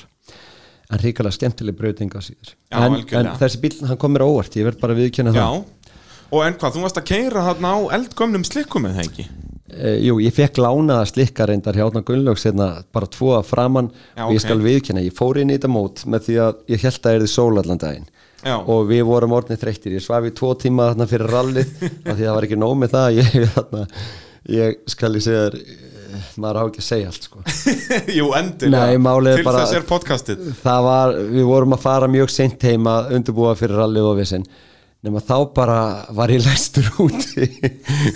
Og klukkan var það margt að ég gæti ekki fara að bögga bönni mínu eða eitthvað sem eiga líkil og ég fór inn í lífstíl að því ég þurfti að ná í hluti þar skil líklan eftir þar með líkilin af lífstíl og síðan veist, var líkil að hann sé átt að geta hann ölkast og hann var ekki þar veist, þannig að ég fer heim, finn ekki líkilin fyrir aftur í lífstíl, reyna að komast inn þar komst ekki inn, bla bla bla. Og með svona ekstra lása á gluggunum þannig að veist, það tók mér slætt að tíma að brjótast inn þannig að ég svaf í tvo tíma fyrir rally. Og síðan eftir sko þegar við tökum ákvörðum með þetta við græfum bara bílinn og ekki búin að fara í bað eftir rallið þá fer ég í bað, kar sem ég gerir sjaldan en ég fann bara að ég þurfti aðeins. Já, já og ég held að ég veri bara sopnaður og slefandi í baðinu eftir fimm myndir, ég var svo þreytur sko. Það er náttúrulega líka, já, bæði það að vera búin að sofa í tvo tíma og náttúrulega keppi í rallykeppni og sérstaklega í þessum átökum sem þú varst að það þurft að vinda jakkan af þér, sko. Uh, hérna, uh, gallan. Þannig að já, það sloknaði á þér þannig í baðinu og, og, og síðan þurft að fara að græja rallycrossbíl. Nei, nei, það er eftir rally, það er Já, já, um við tókum ákvörðun þarna öruglega, ég man ekki hvernig það var 11 leitið eða eitthvað svo leis, bara að við færum á rauða að því að við vorum ekki að nálgast vandamálið á hinnum í staðin fyrir að að vera fram á, þú veist, það er allt annað að sé einhver progress í gangi og sést að það sé eitthvað að skána. En þarna sáu þetta bara allir drullu þreyttir. Já, og svona tölvuvesen, þetta er, veginn, þetta er allt annað ef þú sér bara, heyrðu, nú þurfum við bara að setja nýja dempara í bílinn. Já, það er eitthvað brotið og það er hægt að skipta um það. Ég segi það, eða sko. Þú ert ekki að fara í eitthvað að heyrðu, það er ekki 12 volt hérna, Nei, hérna það var búið að- sko. En við vorum bara, herðu, við tökum þennan við nefndum þess ekki, allir þurftu bara að fara að sofa en, en bílinn kom mér óvart. Já, og ég sagði við valda þetta herðu, við þurfum að drífa okkur í hérna, fá þennan og þennan í að kíkja á bílinn og hérna ég þarf að vita bara hvort hann sé í lægi eða hvort ég þurf að kaupa hennar rauða þér og hvað? Og hvað? Og, og, og hvað, Ég- ég... kaupir rauða? Nei, ég síndi honum og mörgum öðrum það um helgina að það er bara drullu kraftur í þessum rauða. Já, ég fekk bara, hann er ekki til söl já, það er svo Já, og veistu hvað, ég held að rauða ljónið ég held að hann hafi já, ég held að hann sé að fara að mæta í næstu keppni. Já, ég, mér líst mjög vel á það.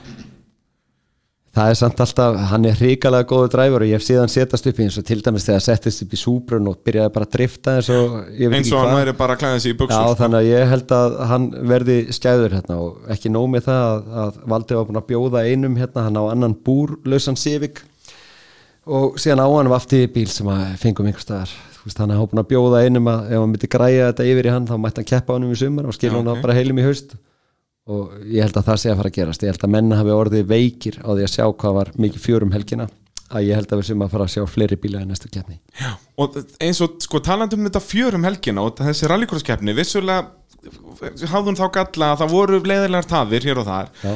en ótrúlega var hún skemmtileg og eins og við, við töluðum á þann í öllum flokkum. Já, og, og verður bara betra í, í sumar. Já, þetta og líka bara, þú veist, ok, það er komið tímatökubúnaður Já. sem er bara geð, það það flýti kom í fyrsta skipti núna bara. Já, það flýti fyrir mörgu, ég held ég held ég sé ekki að ljúa, ég held að IFS og, og IH eigi þetta saman. Ég held að allavega fjármagna þetta, ég, ég, ég er ekki að segja einhvern heilagan sannleik, ég held ég að við hýrt það. það geti verið. Og þarna, en þetta er bara liftis á herra stiga því að, að því að vera að taka á skeiðklukku tímatöku og það eru fimm á sömu sekundunni eða eitthvað veist, þá er þetta svona en þannig er þetta bara orðið upp á sekundu brot, allir jafnir allt Já, bara geðveikt. upp á þúsundast á sekundu Já, en ég verð bara veist, af öllum öðrum ólöstuðum þið sem að sjáu fylgir næstu, bara segjum næstu vika þegar ekkert allar að hitta trukkabílstjóra hérna, Fylkir Jónsson. Já, gefa hennu knús. Já. hann er búin að gefa svo mikið það eru margir með honum, tinnu og hinnur og þessi Auðvitað. fullt af fólki.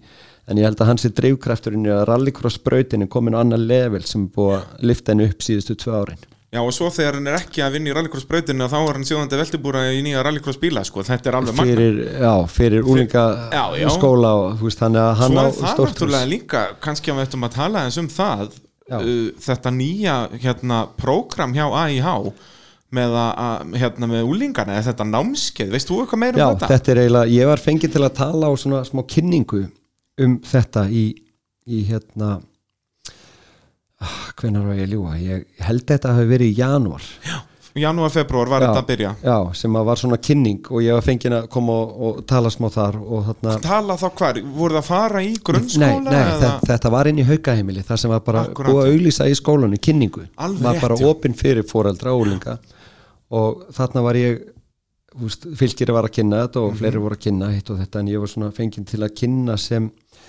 sem kannski hérna, keppandi út frá mínu sjónahotni og ég hefði gefið svo mikið fyrir að eiga tækifæra á þessu þegar ég var krakki skilur. Algjörlega. Að þannig er, er félagið og með mikill ég held að fylgir og, og, og hérna og himmi, ég held að þeir séu dreifkraftanir í smíðinu en kannski er ég Já, að gleyma einhverjum fleiri sko já, já. en þannig er allavega verið að smala saman bílum og þannig er verið að, að sjóða búr til að halda námski fyrir úlinga og síðan geta úlinganir í heldæðin í námskeiðinu sé ein keppni yfir sumar. Það sem að fylgir með að þeir fá eitt bíl lánaðan til að keppa. Þá bara keppa í Íslandsmótun í úlingaflokki eða er þetta bara innbyrðis í Nei, námskeiðinu? Nei, bara keppa í Ok. Íslandsmótinu úlingaflokki ég held að það, ég held ég sé ekki að ljúga. Já, það hefur verið, en síðan geta við líka hugsanlega leikt bíla eða þannig, Mhm. en þannig er allavega verið að koma markvist úlingastarf, þetta hefur gerst áður en ekki kannski í þessu kaliberi Nei. og þetta er bara, það er fullt af úlingum sem eiga kannski ekki einhverja pappa sem eru skrúarar eða þannig, þannig að þetta gefur öllum svona jafnari séns og, og þetta er svo gaman, þetta er svo gefandi og fyrir utan það að, að, að, að koma út í umferðina eftir að vera búin að læra inn í lokari safe braut, í safe bíl að takast á við allskins aðstæður. Af því ég er hérna orðin bara þú veist, sumi segja að vera með pappans Jésu í bekk, ég segi það gamall að ég finn alveg þú veist, í hálku öðru að maður lendir í einhverju mómentir það sem að þú veist, bara maður- vita hvað þið er að gera Já, maður finnur líka bara viðbröðin eru úr krossina, þar getur þú lent í ýmsu. Þannig að ég held að þetta sé að fara að skila betri ökumunum og, og Já og kannski sko það sem meira er eins og ég horfa á þetta er að, að þú ert þarna 15 ára, ferða á þetta námskeið Já. og ert að keira rallycrossbíla, lokari braut og allt að gerast og svaka gaman svo farðu bílpróf 17 ára og ert á bara einhverjum hérna, göttubíl í umferðinni þá þér ábygglega ekkert svakalega mikið að fara að spynna eitthvað og, að reysa í umferðinni fyrst að þú veist að það er miklu skemmtilegra á brautinni sko. Já, líka bara, þú veist, þarna færðu útrásina bara akkurat sko. Já, ég held það og, og þetta geta í rauninni hvað, allir úlingar hvað, á 15 til 17 ára skrási í, er þetta aðalega 15 ára? uh, Ég verð að þarna, þetta er, veist, þetta er 15 til 17 ára eru löglegri í þetta, sko.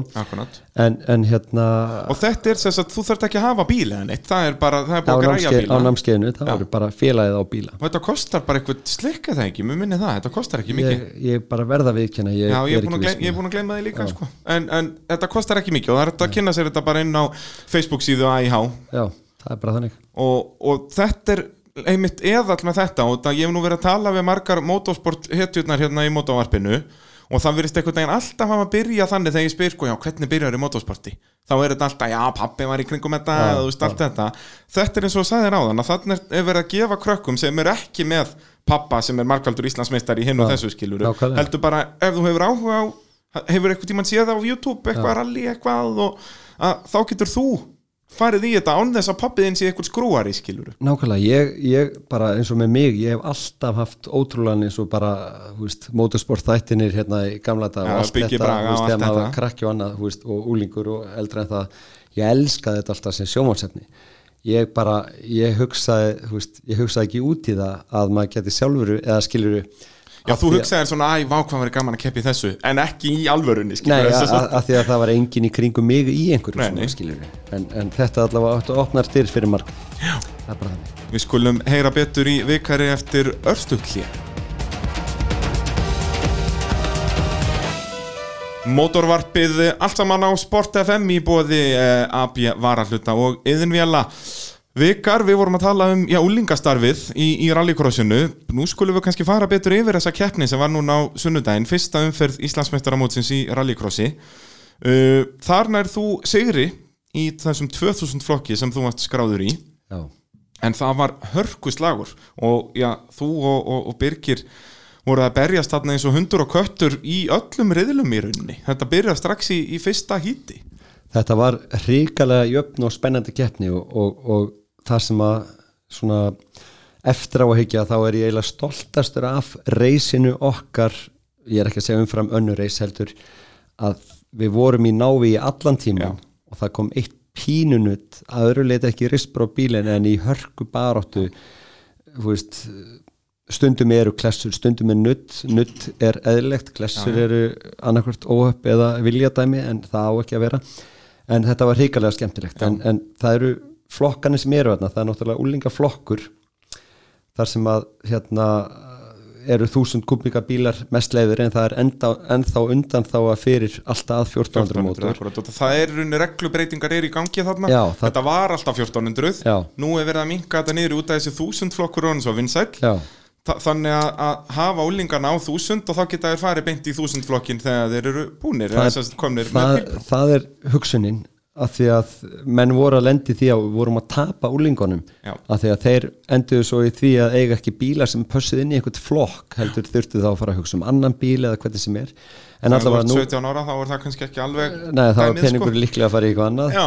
En, en allavega, þú veist, þannig að núna er þúsundflokkurinn sem að úlingaflokksbílarnir ganga bara beint upp í. Já, en síðan var að vera að bæti nýjum flokk núna sem að reyndar gömlu úlingisflokksbílarnir hefði passað inn í Já, eða þannig, fjó- 1400 flokk. 1400 flokkur. Hann fór reyndar ekki vel af stað. Það var bara einn bít skráður í hann núna og hann átni Já, þeir, voru tveir skráðir en annar komst ekki. Munur að það hafi verið svoleiðis. Hann, hérna McKinstry, þeir náðu ekki að klára bílinni honum. Já, þannig að það var bara hann Arnar uh, Átnason já, en ég hef heyrt það að, að það séu nokkrir Já, að já. mæ- mæta í næstu keppni. Hilmar Bræi er búin að vera að smíða bíli þetta Já. bara eins og hann skiptur um nærbuksur sko. Það eru komnir einhverjir sjáralegt sparkar þar og, og, mér, mér skildist að komi tveir frá honum í næstu keppni en, en ég ætla nú ekki að fara að lofa upp í ermar og öðrum Jú, það er langt best að gera það svoleiðis þá er alveg potið að er mæti Já, ok, hinn er að fara að mæta með tróbíla Já, staðfest en hann á alveg hróskilið, hann er einn af þeim sem var kvatamönnum að því að stopna þennan flokka Já. því honum fannst vanta eitthvað á milli þúsund flokksins og síðan tvöðust flokksins.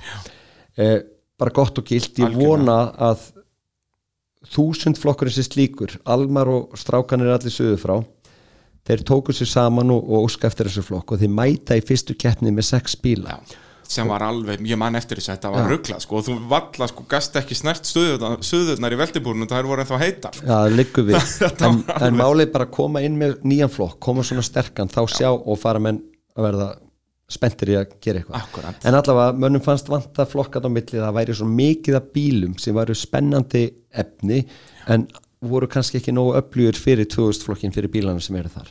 En allavega, sá flokkur var ekki kerðu núna og síðan er 2000 flokkurinn sem er tvekja lítra hámarsvelastærð en ef þú sést með 1600 mótor eða minna má hafa poweradder, turbo eða, eða nitro og þetta er eindrifs, má ekki vera þetta er, fórl já, þetta er eindrifs. Og, en þarna má í rauninni það er ekkert hestabla þakki en eitt slíkt þetta er, þú, mátt tjúna eins og þú vilt en það ekki? Jú, það er ekki testarblað þakk síðan kemur 4x4 flokkurinn sem er gamli krónuflokkurinn Já. basically en það var tekið það fyrir hvað tveim árum frekar eftir Ég held minnir það já. Og þannig að þeir eru ekki lengur til sölu sem gerir það núna verkum að þetta er glæsilegu flokk Já, það er nefnilega, ég sá það sérstaklega núna á Já. sunnudaginn, hvað þetta eru ótrúlega flotti bílar í þessum flokk það er engin flokkur í dag þar sem að menn er að mæta bera með eitthvað uh, já, ok, sem að meiri hlutin er að mæta flottur til leiks. Gaman að sjá þetta og, og að því að menn er ekki hægt á að sé verið að selja bílana eins og var mjög spennandi flokkur og, Mhm. og bara flotti bílar, flotti bílstjórar og, hérna Þar vorum við að sjá í rauninni mjög svipaðan slag og, og, og við sáum í 2000 flokknum, Já. milli þín og, Byrgis þar Já. voru, já svona framan af degi voru þetta Ólafur Tryggvason sem mætti á þessum glænýja gullfallega Subaru svakalega geggjar, sérst tveggjadýra impressa, það er nú ekki margir svoleiðis til Nei. og hérna og hann var að bítast við Lexa Alexander Kárásson uh, síðan bara í úrslitunum mætir Agnar þarna sem er mitt liðsfélagi Birgis Já. á Mitsubishi Galant sem var, var ekki Íslandsmeistari fyrir þessi bíl Jú, þetta er bílinn sem trösti var á. Akkurat, og hann kemur og vinnur þetta bara í úrslitunum, hafði ekki unnið neitt reyðil fyrir það, en vinnur það sem skiptir máli. Hann hérna, ég held að þetta veri strategið hjá hann Er það ekki? Jú, ég held að Verða rólegur í reyðilónum og svo, heyrðu, ég er komin hérna til að vinna.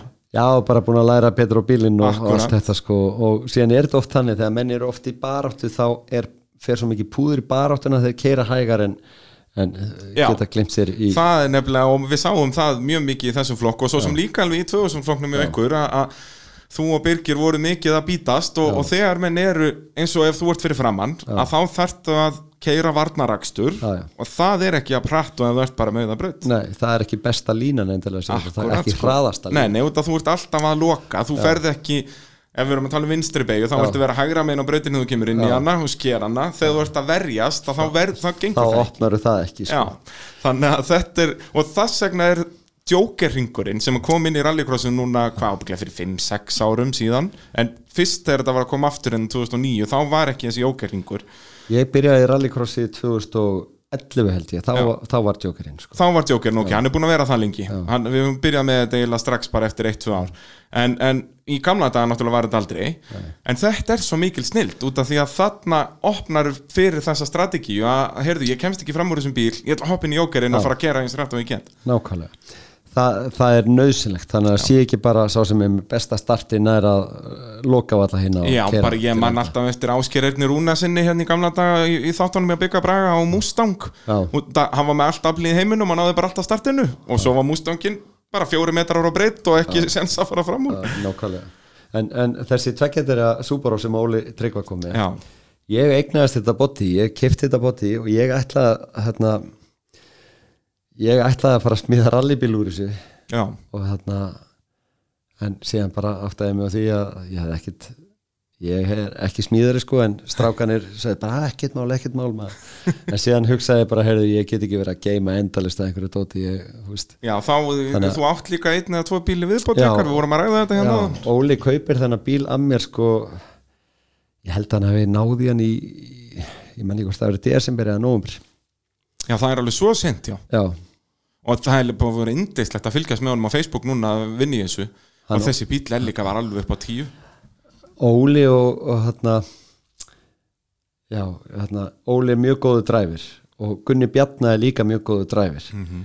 en ég held að þeir tveir ég held að þeir séu samt sko áhugamáli á þeim sé meira að smíða Já. heldur en að keira Ég er alveg og samanlega þeir eru að skila frikalega flottum tækjum en, en að fylgjast með smíðinni á þessu gaurum sko, þetta er alveg fárunlegt Þetta er geggjað. Það er gaman að þessu. Og, En það er náttúrulega sko vissulega verður við líka að gefa Óla það að yfirleitt þegar hann kemur með svona nýja fína flotta nýsprautaða bíla í rallycrossið þá veltur hann þeim bara með það samanlíku ja, þetta, þetta er fyrsti bílinn erst að menna sem að veldur ekki fyrsti Ég held það sko, ég held sko með Sunnyin sem hann var á 2009 eða eitthvað, þá hefur en eins og þegar hann kom með honduna kútveltur í fyrstu keppni. Þannig að þetta er skrifið rétt átt hjá Óla. Já, mér líst vel á þetta sko. Já, já, já, þetta er gullfallegt. Uh, Svo er náttúrulega verið að tala um opnaflokkin Já. Þar eru stóru fréttina er að Atli Jamil Áskersson er komin í rallycrossi aftur og á geggjuðum bíl. Ég, uh, það er eiginlega engin orð sem lýsa þessi við fórum, við fórum hérna sko ah, við fórum í strákaferð til Póllands í, í ég held Í síðasta haust eitthvað Jú, var í, ég held þetta að vera fyrstu helgin í oktober sem við fórum. Þá var valdið að fara að skoða sér. Hann fór út með því hugafæri að kaupa eiginlega þennan bíl. Já. og allir eiginlega plataði með bara á síðu stundu og, Það er svona gott, gaman að hafa alla með. Já, ég, fórum þarna sjö strákar og, og þarna bara keirum þarna og skoðum þetta, við lendum í Varsjá keirum svo einhverja fjóra, fjóra og halvan tíma þetta er eitthvað norður eftir til Nýsa eða eitthvað þannig, bara Mhm. smábær. Þannig og förum í þessa vexmið og skoðum. Hrikalega flott vinna sér að gera. Proto Cars heitir þetta. Já, þetta er, skal ég segja þetta er bara basically, þú getur valið um nokkra skelljar sem þú vilt allt byggt á ef og undirvagni. Já. þannig að bara hjólabúnaður, velbúnaður og allt og ef og er bara plug and play Já, það, í þú sko. boltar það bara í. Já. en svo getur þú valið eins og segir þetta getur verið Toyota Yaris eða, eða Mitsubishi Colt eða Mirage eða hvað þetta heitir allt saman. Já, hann er einmitt eh, hvað heitir það, Miata eða eitthvað? Mitsubishi Miata sem að Hilmar er búin að panta, hann er, hann er að fá Í hann. á tvo svoleiðis held ég núna? Ok, Já, já, það er stóra fréttir, hann var að sína mér einhverja myndar en þessu og ég er náttúrulega fjölmiðla maður þannig að þetta var beint í fjölmiðlana. Að hérna, að hann ætlar að vonast til að, að reyna að keppa með eitthvað af þessum vonandi í sumar en eigum ekki að segja það aftur, við setjum hellingspressu á Hilmar núna bara. Hann- Hilmar Þráðsson er að fara að keppa hann stendur undir pressu. Já, já, já, En þessi bíl hjá alla, hann kaupir hennar bíl hann verður alveg sjúkur og, og þessi bílur hjá bílur, ok. Við erum búin að tala í Ég- næstum tvo tíma ég, ég, ég, ég á engin orðið yfir þessu bílnum að sé, maður er bara dolfallin það er bara mætt bara eins og að sé bara vaffer sé bíl mættur útlitið og, og allt bara eins og bara alla einu með en, en Nákvæmlega. náttúrulega við sáum þetta í torfærunni sko.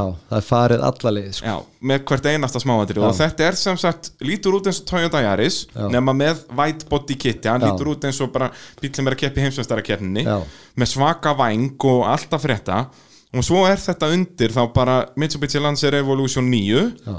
Fjöðrun og allt svo leið svo er bara komin hann að vel hann var dænotestaður út í hjól eitthvað rétt tæp 500 hestöfl og alltaf frétta. Alltaf frétta. Og það sem mér fannst svona skemmtilegast í þessari keppni er að hafa alla þarna og heyra þessi 500 hestöfl garga þarna í brautinu og spól út um allt. Svo höfðum við Konrad já, já, sem er á sínum yndislega áti með djúpa vaff áttarhljóði þarna í bakgrunninum þetta var alveg himnest að vera þarna þetta er alveg meira og hérna við verðum að gefa alla allt prósi fyrir að, að því að það skiptir svo miklu máli að koma með svona, dæmi svona dæmi inn í já. flokk sko. Og þetta er ekkert bara bílinn, þetta er bara batterið sko. þetta er bara batteri sem mæta er hérna servicekallanir já, allir og, já. og þetta vonandi er líka til að hvetja aðra sko, núna er hérna búið að setja markerinn allir svona hraður, komið á vinniðan Já, það er ekki bara, þú veist, að því að opniflokkurinn hefur verið smá vesen. Og allir veðjar hérna á eins og bara til dæmi síðasta sumar þá ætlaði ég ekki að keppi í tveimur flokkum. Það var ekki hugmyndin. Heldur Konrad var eitt skráður í fyrstu keppni. Og þarna, þannig að þá ákveði ég að fara þarna með honum og, og, og, og við svona reynum að svo ég segi nú bara alveg svo er þá, þá ætlum við að þarna, vorum að reyna að plata fleiri með. En, en við fengum, við skráðum hérna einn í Ares með okkur sem að- Akkurat, já, sem bara að til að sé- fylla í flokkin sem var basically þannig að flokkurinn yrði nú eða þannig, en, en það taldi ekki til stiga þegar voru ekki þrýr sem mættu til keppni. Já, og í næsta flokk aftur og eftir var enginn sem skráði sinum að Konrad og ég talaði við hann og við förum og, og í það mót kom hérna þá kom Eiríkur Ájaris. Á Jaris, akkurat sem var alveg áhugavert út að í einhverjum riðilum náðan að vinna Konrad Já, en málega Konrad er að læra og læra Akkúrat. bíl, hann greinilega hann, hann lætur ekkit svakalega vel að stjórn en hann er það- samt búin að bæta sér það Já. mikið. Ég man bara í fyrra einhvern tímann, ég opna að taka jókerinn var fyrir aftanan og þá var valdi í eyrunum á mér. Hann sagði bara ekki fara fram úr, ekki fara fram úr af því að hann var dóldi mikið út- um alla braut, þetta var svona smá rúsnesk rúlegt að taka fram úr honum. Ég að, og ég reynið einu svona hann dundra mér eiginlega úti bara óvart sko. Já, já, en hérna en þú segir mér ekkert að ekki taka fram úr skilur, ég tók fram úr og man, það var í úslita hítið hann bara, ertu fáviti? Af því að þarna hefði ég alveg getað lent út í móa bara. Já, en, en samt sem áður ég er að þessu til að hafa gaman að þessu. Akkúrat. ég man þegar ég var að byrja í rallycrossinu og fyrstu slatta árin þá var þetta mikið í tísku að hérna að það voru bara tvö bestu hít sem gildu tvö af þremur inn í úslitin það var svo mikið tíska þá að menn voru að spara bílinn fyrir úslitin Sleppa þriðja riðli. Ég hef bara aldrei skilið það að því ég mæti þarna. Til að keira eins mikið og þú getur bara, þetta er svo gaman. Já, að tíma sleppa 25% af keppninni að því bara til að spara bílinn, ég held ég að einu sinni spara hít að því að við vorum í hittavesen og allt í ruggli skiluru, en allavega keppnin í dag er samt orðin þannig að, að það er búið að setja það inn í, Íslands, inn í reglunar að það eru öll hít sem telja til stiga til Íslandsmeistara þó svo að það sé bara úslita híti sem gildir sá sem vinnur úslita híti Hann fær bikarinn í hann fær byggarinn og vinnur þess keppni. ef, ef þú ert að spá í Íslandsmeistaratillinum þá verður að gjöra svo vel að mæti í þetta riðla sko. þannig að ég held að það sé til að lifta þessu harra plan og líka bara upp á það að gera að halda áhörðu við efni það sé ekki allt innum bara fimm bílar að kera þetta á og nú er bara einn að kera Já, það gengur ekki. En allavega það er ríkalega gaman að sjá Elli mætir hérna á Benz Prammanum Veldur honum hann núna í já, Hann skemmtir enda dekja veginn miklu meir en bílinn sjálfan sko. Já, það, það, það, það segir bara svona ef, ef að dekja veikunni skemmist meir en bílinn það Já. segir bara að bílinn sé prammi þannig svolítið mikið sko. Já, en síðan er hvað heitir hann? Jóhannes. Jóhannes á, á Buggy Málið er að hann mætir í fyrsta sinni fyrra E, Já, er það svoleiðis? Já. Já. Ég var að sjá hann bara í fyrsta skipti núna nefnilega hann mætti í ég ætla ekki að lofa neinu en ég held hann hafi ég held ég segja, segja satt hann hafi mætti í tvær keppnir í fyrra. Ok, og það er bara allt annað að sjá aksturinn á honum. Algjörlega. Hann náði öðru sæti í flóknum já, hann var líka bara já, hann, hann byrjaði þetta rólega og það er alveg skynsalegt að byrja rólega og, og höndla bílinn en hann var bara að keira hrikalega vel Geggjaði bíl, alveg pingu, þetta lítur út eins og go-kart bíl Já, sko. þetta, pingu þetta, er eiginlega, þetta er eiginlega aldrei þannig og ég held ég sé ekki að ljúa, ég held að sé 1600 bara vafti í er honum